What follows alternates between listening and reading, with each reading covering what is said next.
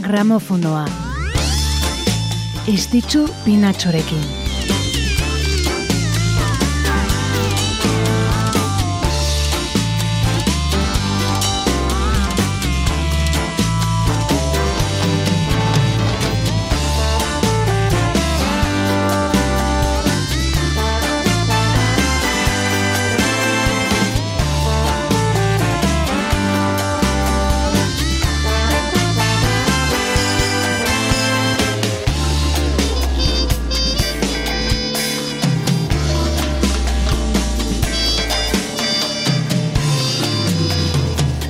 Arratxalde denoi gramofonoan gaude, ongietorri, ongietorri gramofonora. Naiz irratean gaude musikaren tartean, zehazki musikaren historiako une gogoan garrienak gogoratzeko tartean. Abenduaren bi dugu gaur, asteburu honetan ere, badaukagu, zer ospatu. Itzordu garrantzitsuz betetzen zaigu agenda urteko sasoi honetan, bino Euskararen egun aletu bino lehen eh, zentratu gaitezen gu, aste honen bueltan kontatu nahi dizkizu egun musika efemeridetan. Kantu zerrenda prez dugu, gu ere alaxe gaude, eta zuek ere, ba, hor bazaudete, hasi eginen gara. Guazen!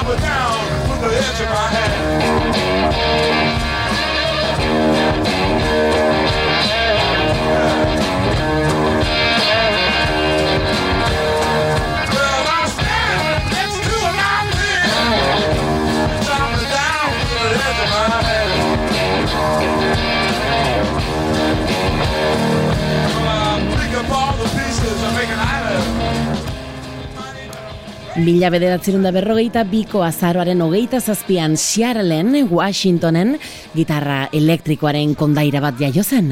Jimi Hendrix, haren izena, rock psikodelikoaren ikono eta historiako musikari garrantzitsuenetako bat. Ibilbide laburra bino zirraragarria izan zun, rock musikaren mugekin desafioan e, ibili baitzen. Sekulako bertutea erakutsizun gitarrarekin eta estilo berritzaile eta iraultzailea izan zun. Bertze artista batzuentzako jotzen hasi zen, horrela hasi bere ibilbidea Jimi Hendrixek. Bino, mila bederatzerun dirurogeita zeian, The Jimi Hendrix Experience formazioarekin hasi berea propioa. Blues, rock eta elementu psikodelikoen fusio horrekin ospe haundia lortuz. Irurogeita bedetzian gainera guztokeko jaialdian parte hartu zuen, eta hori ere, ba, rockaren historiaren une ikoniko hoietako bat bihurtu da. Bino errandugu, ibilbide motza izan zula Jimi Henrysek, izan ere jakina den bezala, hogeita zazpi urte bertzerik etzula zendu zen, mila bederatzi da irurogeita marreko irailaren emezortzian. Hogeita zazpi urtekin hildako artisten zerrenda beltzera batuz. Azararen hogeita zazpikoa zen ordea, larogeita bat urte beteko lituzke bizirik balitz Jimi Henrysek.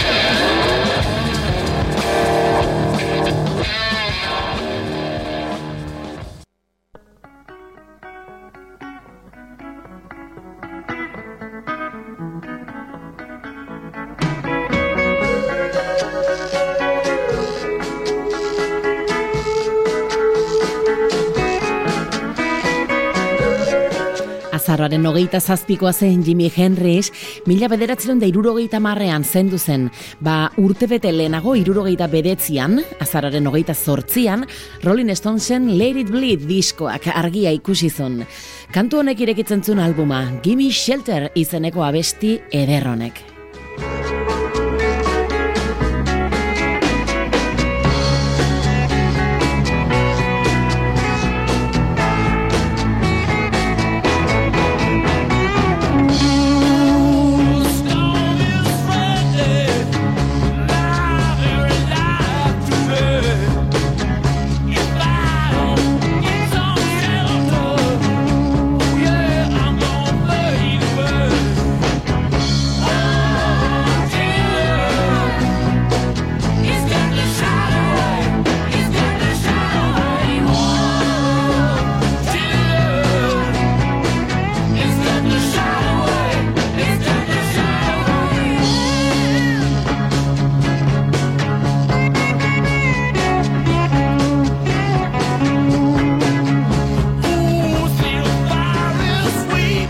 Mila bederatzeron da irurogeita bedetziko azaroaren hogeita zortzian argitaratu zen album hau.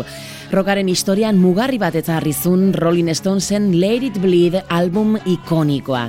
Taldearen abesti emblematikoenetako batzuk bertan izautu genitun, tartean You Can Always Get What You Want, edo aditzen ari garen Gimme Shelter hause.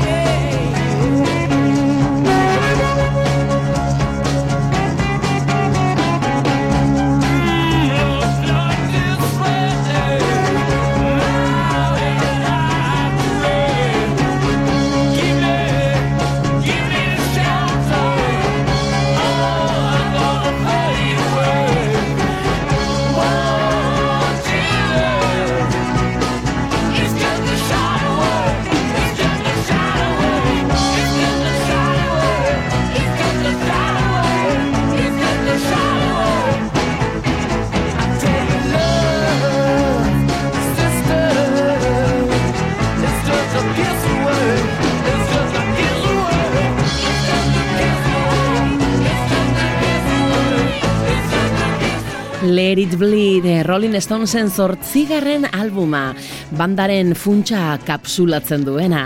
Irurogei garren amarkadaren bukaeran kaleratu zuten, azken egunetan, e, izan ere irurogeita bedetziko azaroan izan zen, Aldaketa kultural eta sozialen garai bete-betean.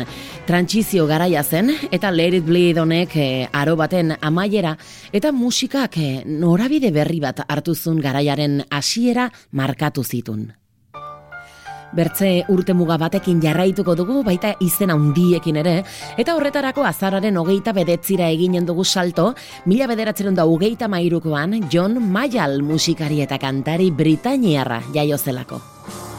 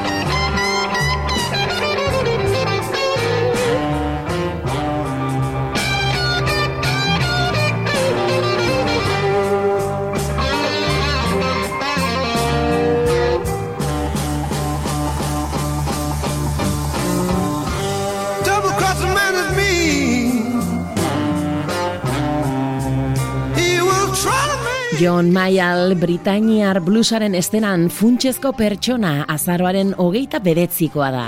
Britainiar bluesaren aita pontekoa goitizena irabazi du bluesari dimentsio berria eman eta erresuma batura eramateko egindako lanaren gatik.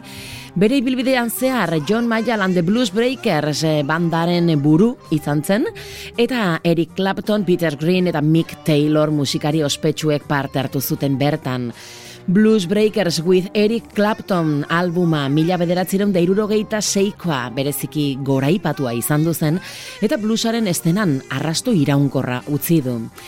Double Crushing Time izeneko kantu hau preziski Eric Claptonekin garabatutako disko hartatik hartu dugu.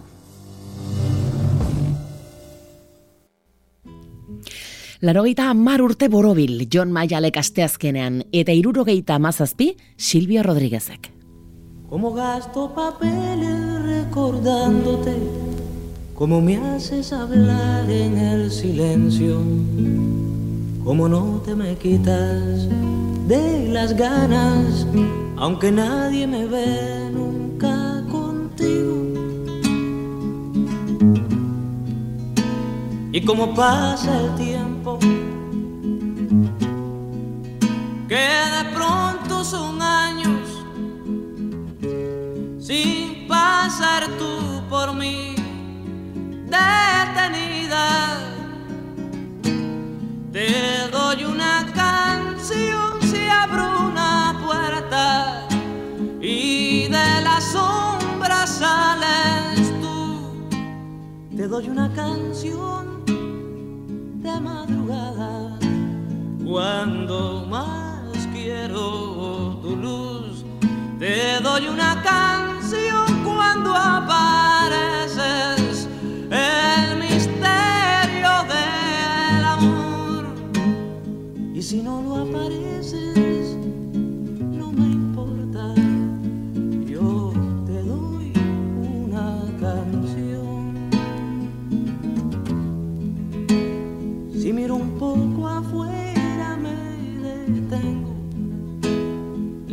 se derrumba y yo cantando.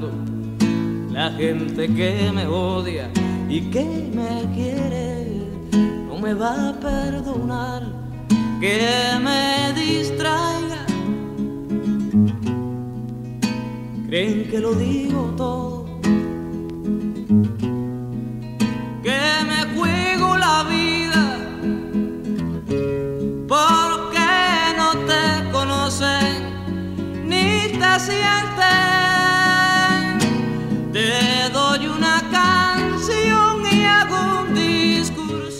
Mila bederatzeron da berrogeita seiko azaroaren hogeita bedetzean jaio zen Silvio Rodríguez, Latinoamerikako trobadore garrantzitsuenetako bat, Silvio Rodríguez. Bere letra poetikoengatik eta kubako musika tradizionala eragin garaikidekin uztartzeko trebetasunagatik egintzen ezagun, kubako troba berriko erreferente bihurtuz. Bere bilbidean zehar garai sozial eta politikoak jorratzen dituzten album mugari kaleratu ditu, Kubako erresistentzia artistikoaren simbolo bihurtuz. Bere musikak mugak gainditu ditu eta bere sakontasun liriko eta musikalagatik eta letra komprometituengatik estimatua izaten jarraitzen du. Irurogeiko markadan, aipatu dugun nueva trova kubana musika eta kultur mugimenduari egindako ekarpen horretan, ba, Silvio Rodríguez eta Pablo Milanes izan ziren batez ere gehien nabarmendu zirenak. Ba, pasaden astean, Pablo Milanesen eriotzaren lehenengo urte urrena betezen, azaroaren hogeita bian zendu zelako, paradoxigoki musikarien egunean, eta astebete beranduago, asteazken honetan, Silvio Rodríguezek irurogeita amazazpi urte bete ditu. Gramofonoa, istitzu pinatxorekin. Gramofonoan gaude naiz irratia entzuten ari zara, oraintxe batu bazara gure gana ongi etorri. Aste honetako musika efemerideak errebasatzen ari gara, hainbat urte, e, urte urren, argitalpen, zorion mezu ekarri ditugu, eta oraintxe kantu ezagun batekin jarraituko dugu. Asteazken, asteazken honetan, bete baitire baitare, hogeita bi urte, George Harrison agurtu genuenetik. Bye.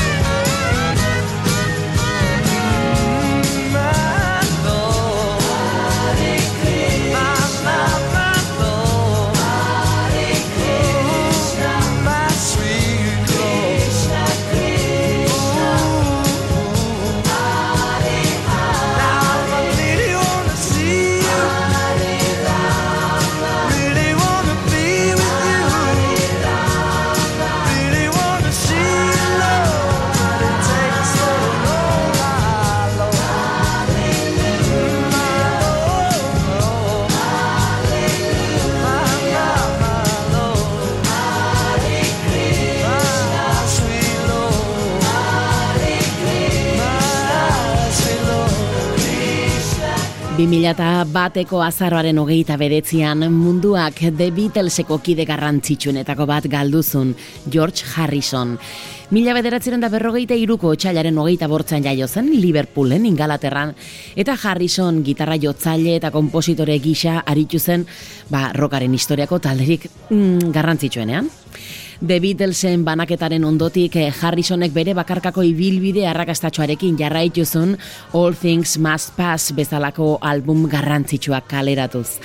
Musikaria aparta izan zen talentu duna eta bakearen eta kontzientzia globalaren defendatzaile amorratua.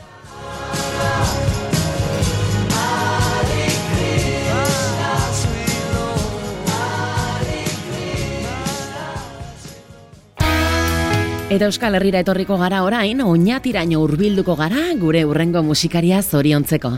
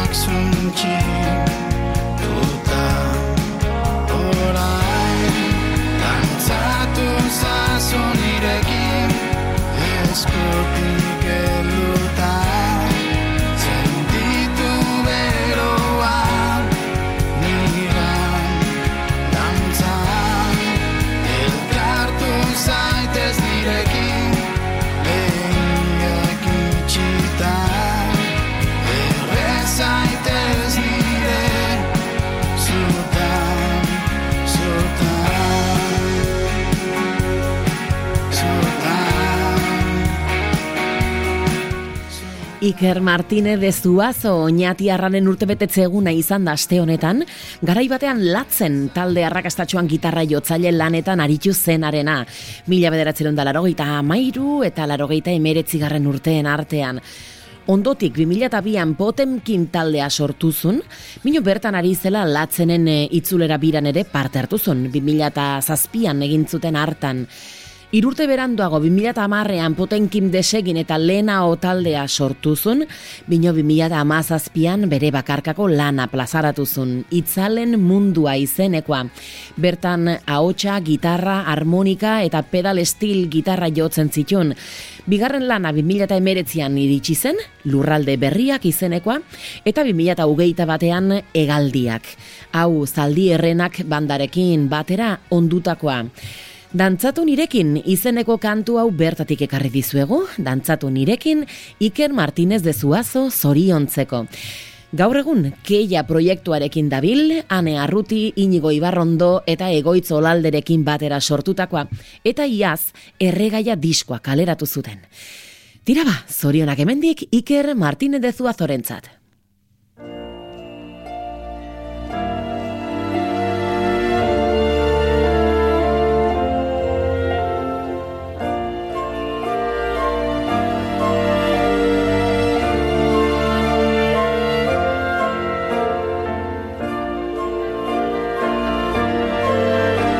Eta oinatitik zornotzaraino mugituko gara, Euskal Herrian agitz ezaguna dugun ahotxe ederronen atzean dagoena zoriontzeko.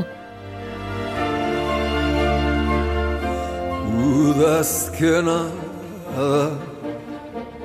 bazterrean Berdez jantzi zara Zirikatzen Tani berri zaine Hauskor Ta zu berri zorren Zuara Baiak ikan Bizkarrean Jarriko nizuk eskua eitzik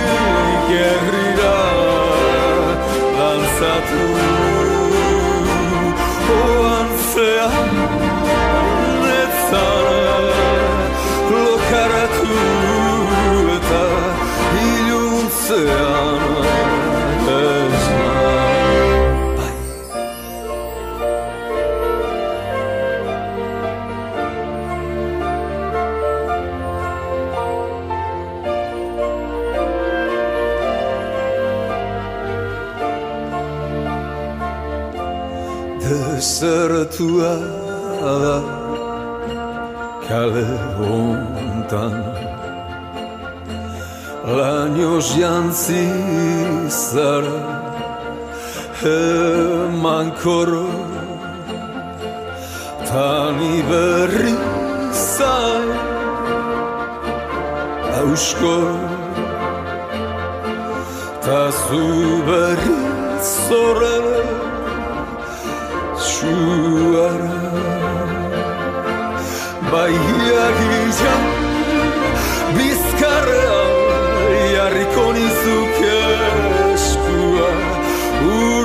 Eitzi gerrira Lantzatu Oan zean Ez zara Lokaratu Eta iluntzean esna, esna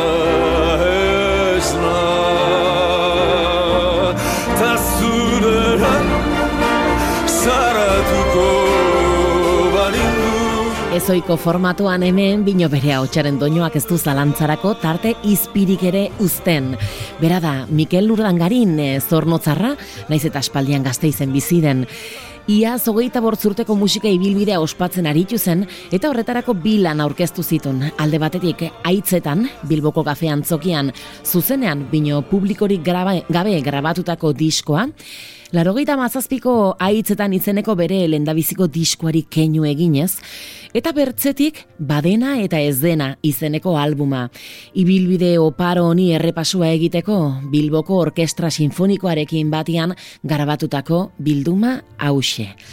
Hortzegunean urteak bete zitun, eta beraz ba, besarka da istua, eta musu haundi bat Mikel naiz irratitik.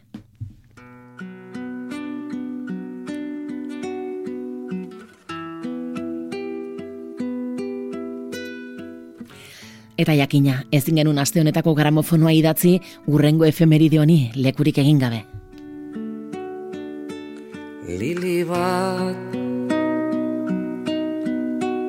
hartu eta ostoz osto erantzi eta amets. Eta arek zu ere erantzi. Eta ostoz osto 2008ko abenduaren batean Euskal Herriak Mikel Laboa galduzun. Gure lurraldetatik kanpora edapen eta oihartzun handiena izan zun Euskal musikari eta kantautorerik ezagunena ziurrenik. Sekulako ondarea utzi zigun Euskal musika tradizionala zaintzeko, suspertzeko eta sustatzeko egindako lanzoragarriaren emaitza izan zena. Eta gerora etorri ziren, etorri diren eta oraindik etortzeke dauden hainbat eta hainbat musikarirentzako azenolako erreferentea izan zen. 2008ko abenduaren batean itzali zen Euskal Herriko ahotsik beresi eta identifikagarriena.